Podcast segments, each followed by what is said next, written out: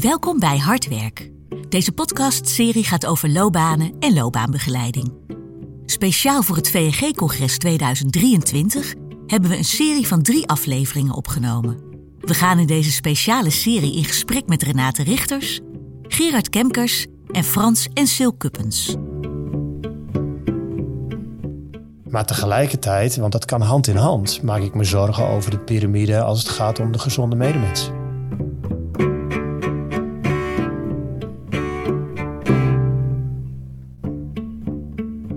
Is het feit dat je een onderdeel bent van de media en de media levert je een kans op reflectie.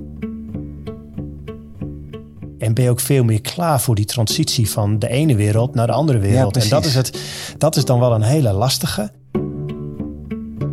In dit eerste deel van de aflevering met Gerard Kemkers, voormalig topsporter en schaatscoach, deelt hij zijn waardevolle inzichten over het leveren van topprestaties en het nastreven van groei. Hans, het woord is aan jou.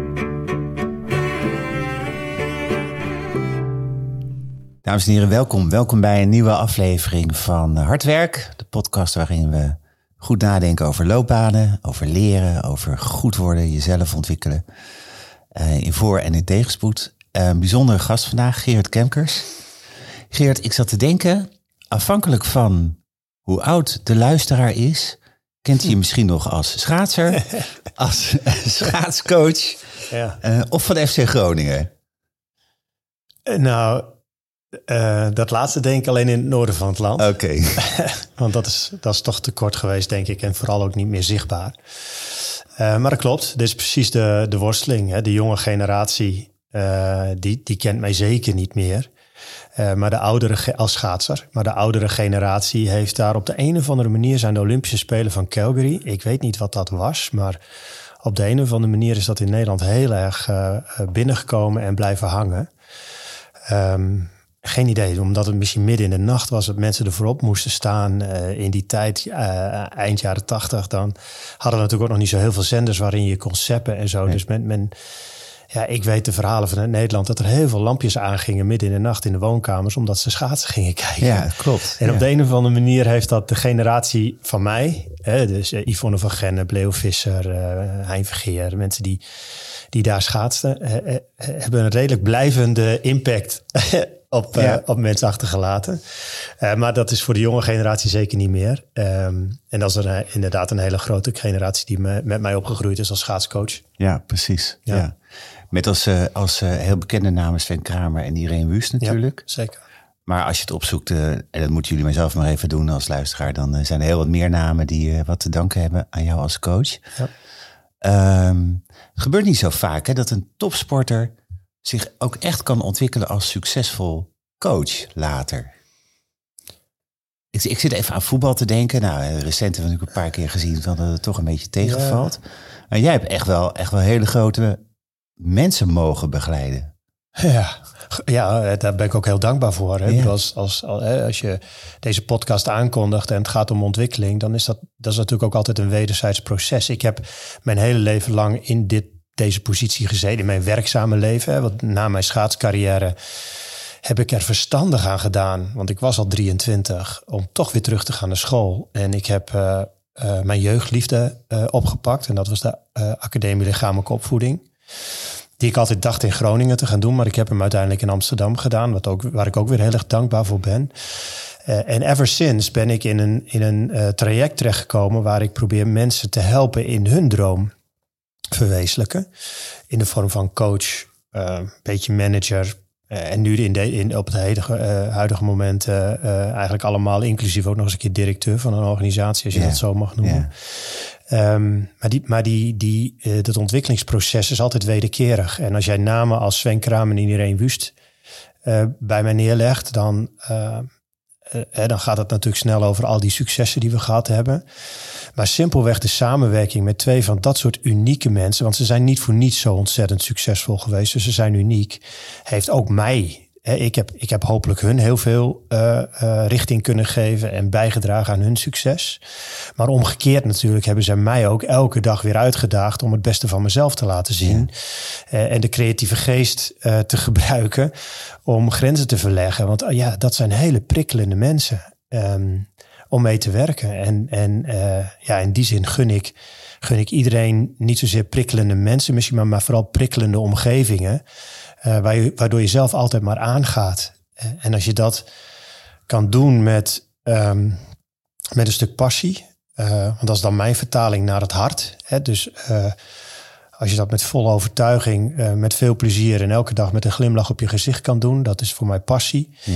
Um, en dat kan je dan weer omzetten naar hard werken met een D. Uh, want dan is het dan ook weer een stuk makkelijker voor je om dat te doen. Ja, als je dat kan combineren, dan, uh, dan, dan, is je kostje gekocht. Zeg maar. Werkt dat ook zo bij dat soort supertalenten, zeg maar? Of bij gewone talenten, dat het verstandig is om echt te kijken van welke coach wil ik hebben om, om daar zo ja, dat denk ik eisend en uitdagend mee om te gaan. Ja, dat denk ik wel. Ik denk wel dat uiteindelijk het, het, dekseltje op het potje moet passen en dat er een combinatie moet zijn. Dus als je dat, als je dat dan ook weer, hè, dat, dat is soms een hele enge gedachte, ook bij mij. Wat betekent ook simpelweg dat er heel veel talent verloren gaat. Hè, dus, er zal in Nederland veel meer, er zullen meer Sven Kramers en Irene Wusten zijn, ja. die in hun carrière van jongs af aan, hè, dus, dus niet alleen maar ik, hè, maar ook de jeugdcoaches en, en misschien ook wel de ouders en de omgeving en wat voor dingen. Maar een, de stappen ergens naartoe.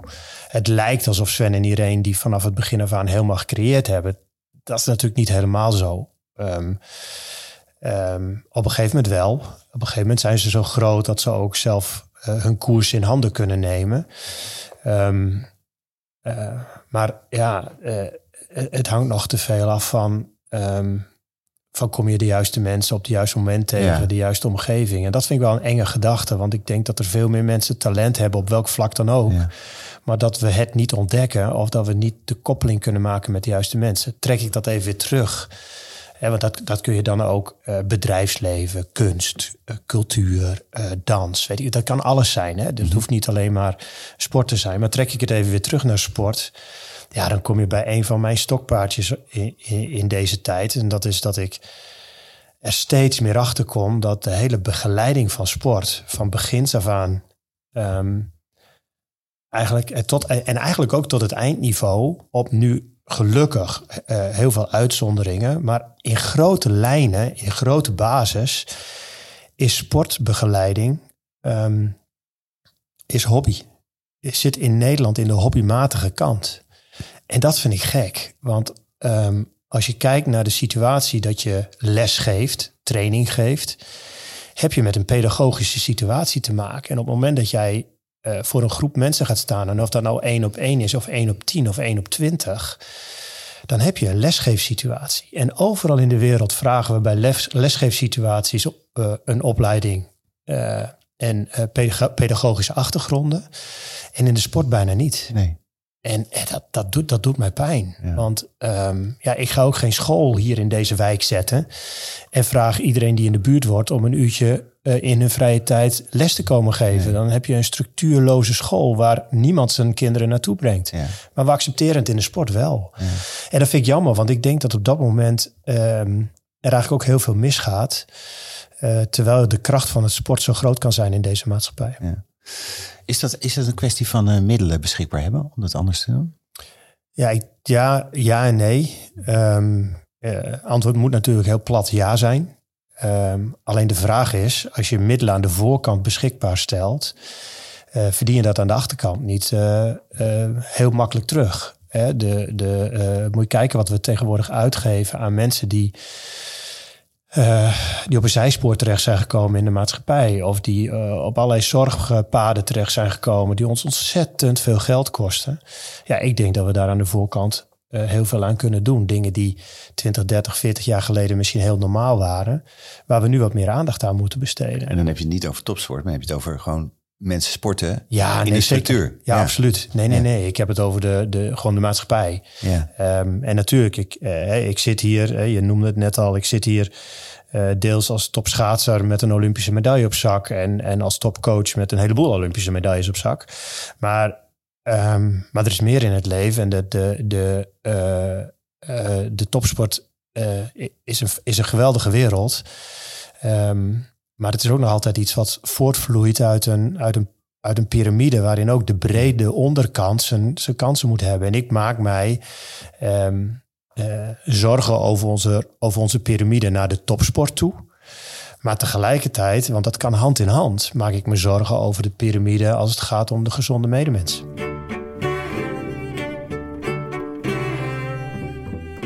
Jij schreef op je site: beter worden is belangrijker dan goed zijn. Ja. Daar in, de talent, in de talentfase. Ja, ja precies. En eigenlijk moet dat wel iets zijn wat je elke dag moet, moet omarmen. Uh, ja, nee, goed, dit, gaat, dit, gaat, dit, dit, kan ik niet in één zin uitleggen. Maar de, de, het idee er een beetje achter is dat ik probeer een onderscheid te maken tussen de topsportprestatieomgeving en de topsportontwikkelomgeving. Ja. Um, en als je in de topsportontwikkelomgeving eigenlijk ook alles en iedereen alleen maar afrekent en inricht op basis van het podium, dan neem je te weinig tijd om uh, daadwerkelijk ook tijd te stoppen in Um, ontwikkelfase. In, ja, ja. In, in, groei. Ja. um, uh, heel plat, uh, alle vakken die je doet op het middelbaar onderwijs, heb je de rest van je leven, als je, als je verder studeert, eigenlijk misschien helemaal niks aan. Maar dat is een brede basis die je onder je toekomst legt. En gek genoeg komt er toch altijd wel weer ietsjes terug uit al die vakken, waarvan je gedacht toen je er doorheen moest, dat dat niks op zou leveren. Ja. En dat is in de sport Um, op het moment dat, je, uh, dat we niet leren om in de leeftijd 14 tot 16, 16 tot 18, 18 tot 20 um, een soort curriculum te bouwen um, waarin ontwikkeling ook heel belangrijk is.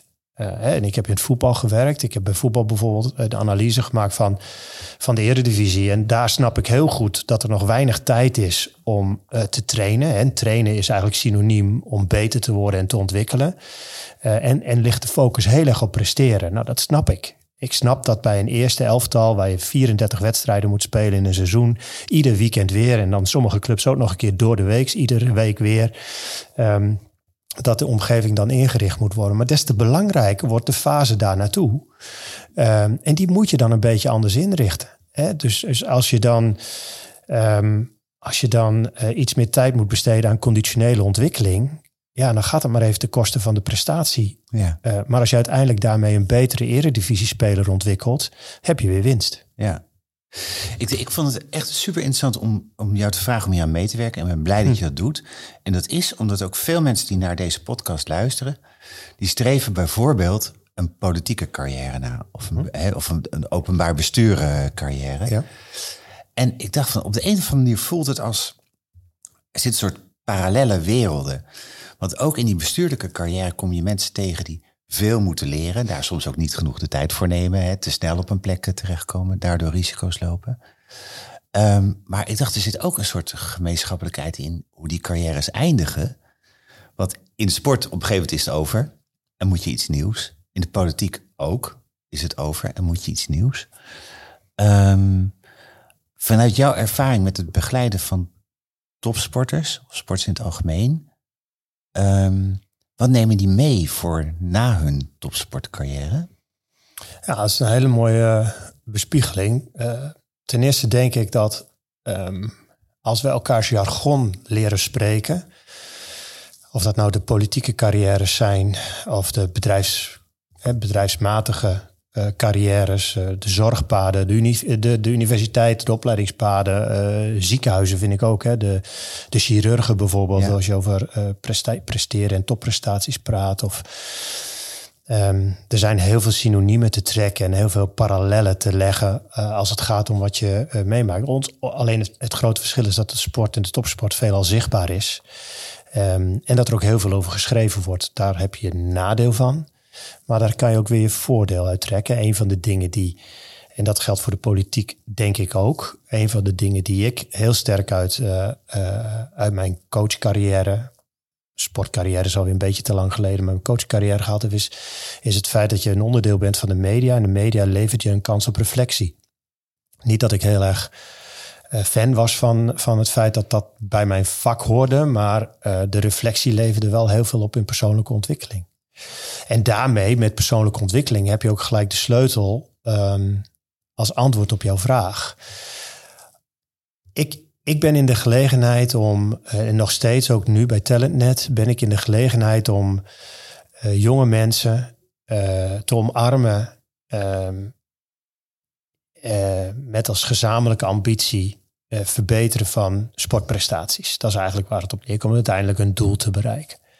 Dat kan ik heel kaal maken, maar ik ben niet voor niets pedagoog. dat ik niet een soort robot, een soort machine zie die op weg is naar een topprestatie, maar dat ik dat vooral als een mens zie. Dus ik omarm um, mijn hoofddoel. Ehm, en zeg maar even bij de Swens en die range van deze wereld is dat Olympisch goud. En dat gaat dus keihard over presteren. Maar ik kan, dat niet, ik kan het niet doen zonder daar ook gelijk een subdoel onder te leggen. En dat is de persoonlijke ontwikkeling. Ja. Um, en in, eh, in het geval van TalentNet heb ik ook een hoofddoel. En dat is ook ergens bovenaan op een podium te staan. Maar omdat die kinderen nog jonger zijn, uh, mag ik daar het, het subdoel wat groter maken. En moet ik dus ook meer tijd aan ontwikkeling besteden. En als uiteindelijk um, het, hun carrière afgelopen is. En dat is in sport natuurlijk relatief jong. Want op een gegeven moment houdt het gewoon op basis van leeftijd houdt het gewoon een keertje op. Ja, dan moet je hopen dat je een mooie erelijst hebt en met die erelijst verder kan. Je moet hopen dat je toch nog iets aan tijd gehad hebt om je opleiding af te maken, zodat je daarmee verder kan. Maar wat ik een hele belangrijke waarde vind, is dat je in de tijd van sporten, topsporten, maar dat kan ook een beetje brede sport zijn, ehm, je, je persoonsontwikkeling een kans hebt gegeven. Ik heb, ik heb al vaker gezegd, er bestaat niet zoiets als een, een diploma sport of een diploma topsport of diploma Olympische Spelen. Maar als je daar een, een pedagogisch goed geschoolde coach neerzet, die snapt dat als je met mensen werkt, dat er meer uit te halen dan die een, eenzijdige uh, weg van uh, de medaille waar het uiteindelijk om gaat, of het winnen van een wedstrijd. Um, maar dat er meer in zit. Hè? Als, ik een, als ik de B2 van een, lokale voetbalclub coach, um, wat ik alleen in coronatijd gedaan heb, eventjes. maar, maar, dan zie ik gewoon 16 eh, jongetjes die met elkaar moeten samenwerken. En ja, dan kun je, kun je focussen op het resultaat van de zaterdag. Maar ik vind het veel mooier om die twee trainingen plus die wedstrijd te gebruiken om die groep in een synergie te brengen. Om, om, om uh, zeg maar de stille Willy uh, uh, tot bloei te laten komen. Want dat, dat, dat, is natuurlijk net zo belangrijk ja. als, die prestatie op zich. Ja. Als je, en, dan, en dan, dat wou ik nog even om ja, af te sluiten. En dan neem je dus voor de rest van je carrière ook veel meer mee. En ben je ook veel meer klaar voor die transitie van de ene wereld naar de andere wereld. en dat is, het, dat is dan wel een hele lastige. Want die die transitie valt. Het is wel uh, het, het, de ene wereld. Uh, ik leef als topsporter en ik moet mijn weg vinden in de maatschappij. Die liggen wel ver uit elkaar. Ja. En dat kan ik niet helemaal bij de politiek inschatten. Uh, maar die transitie is wel eentje die even gemaakt moet worden. En voor, voor de meeste is, voor een aantal is dat eenvoudig te doen. Uh, voor een aantal is het een enorme worsteling. Ja. Uh, dan heet het dat een zwart gat. Ja. Um, en de meesten komen er met wat meer kunst en vliegwerk uiteindelijk wel doorheen. Maar het is, is wel degelijk, uh, het is wel degelijk een ingewikkelde.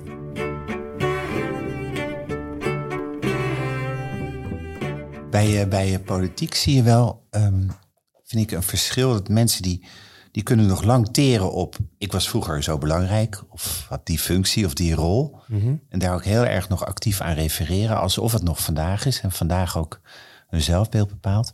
Of mensen die daar echt op een goede manier afscheid van hebben kunnen nemen. Even de ruimte creëren en dan opnieuw beginnen. Met medeneming van de kwaliteit die je ontwikkeld hebt in die eerdere carrière. Ja, maar, maar niet meer als referentiepunt. Want dat is wel belangrijk voor mij. Dat je die, die, als je in die carrière niet alleen maar je oogkleppen opzet. Dus als je als wethouder bij een bedrijf komt en oprecht geïnteresseerd bent in het functioneren van een directeur of een manager binnen dat bedrijf en de processen die er gaande zijn, kun je natuurlijk in die tijd dat je wethouder bent ontzettend helpen in je eigen transitie daar naartoe. Precies. Of ergens naartoe. Ja. En dat geldt voor sport precies hetzelfde. Zet je echt keihard oogkleppen op. Uh, wat iedereen denkt dat wij doen. Um, op weg naar Olympisch gouden medaille. Ja, dan maak je je wereld heel kaal. En maak je je transitie aan de achterkant heel erg lastig. Ja. En ik geloof echt dat je ook betere Olympische prestaties hebt. als je je wereld een klein beetje openzet.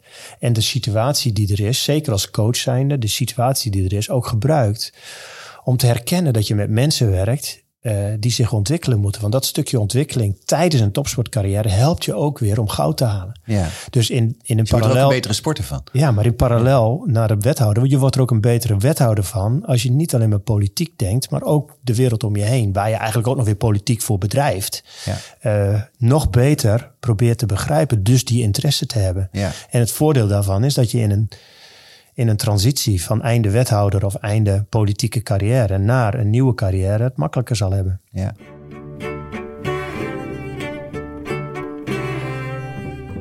Ik, ik eh, sprak een wethouder eh, gisteren en vertelde dat wij elkaar vandaag voor dit doel zouden spreken. Ehm, dus ik zeg, heb je nog een vraag die ik mag stellen namens een vriend? Hij zei, ja, nou, volgens mij, die topsporters, die moeten ook leren met teleurstellingen omgaan. En dan toch doorgaan. Ja. En daar moet je ook heel goed in zijn, Ja. zei hij. Hoe doet Gerard dat? Hoe leert hij ze dat? Ja.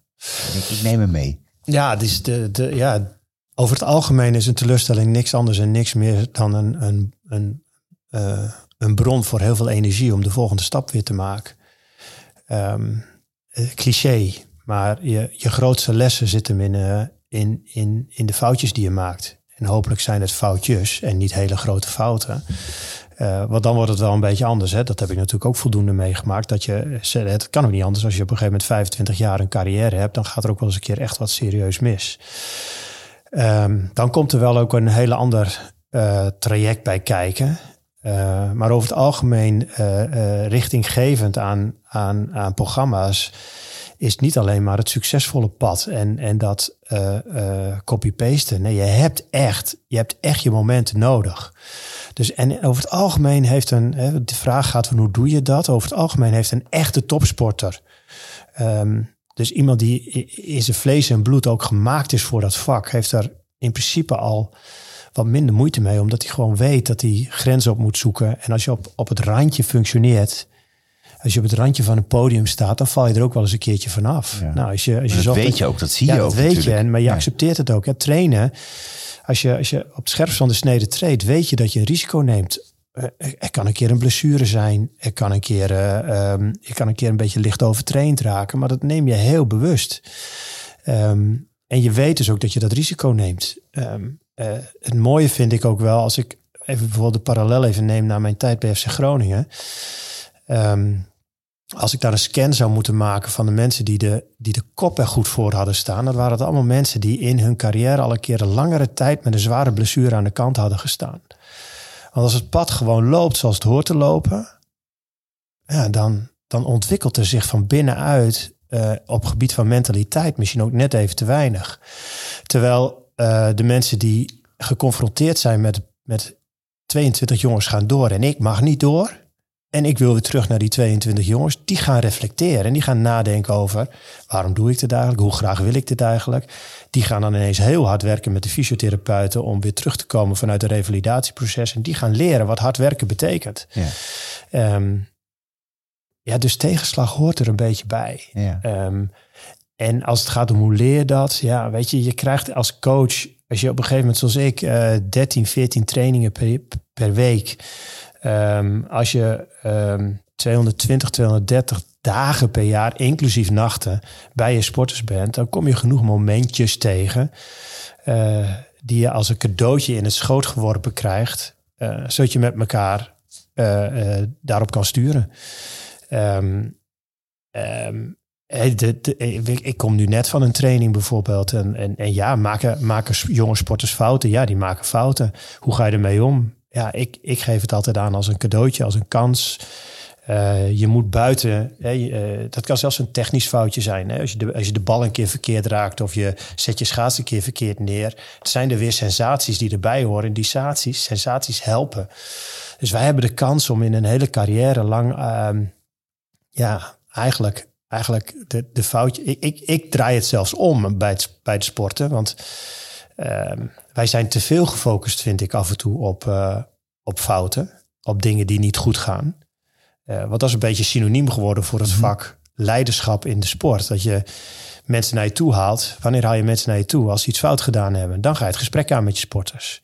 Maar we vergeten heel sterk om het gesprek juist aan te gaan met mensen op het moment dat ze iets goeds gedaan hebben. We applaudisseren te weinig ja. voor de dingen die heel goed gaan. Als, als, het team, hmm. als het team een positiespel moet uitvoeren, ehm, wat gevraagd is door de coach, dat gaat goed, besteedt hij geen aandacht aan. Maar als iemand buiten uh, de afspraken iets doet, dan krijgt hij, krijgt hij de wind van voren. Ja. Um, dus we moeten net zo hard uh, applaudisseren, net zo hard complimenteren als dat we, uh, als dat we corrigeren. Ja. Dus het alloude veel belonen van gewenst gedrag. Zeker ook. Ja, en, niet, en in mijn vak wordt dat te vaak vergeten. Ja. ja.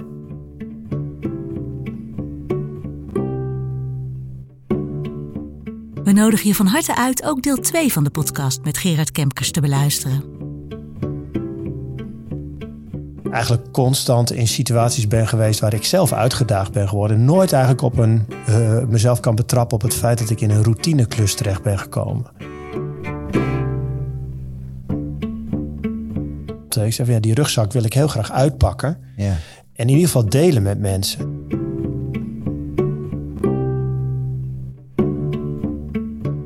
Dank je voor het luisteren naar deze speciale aflevering van Hardwerk.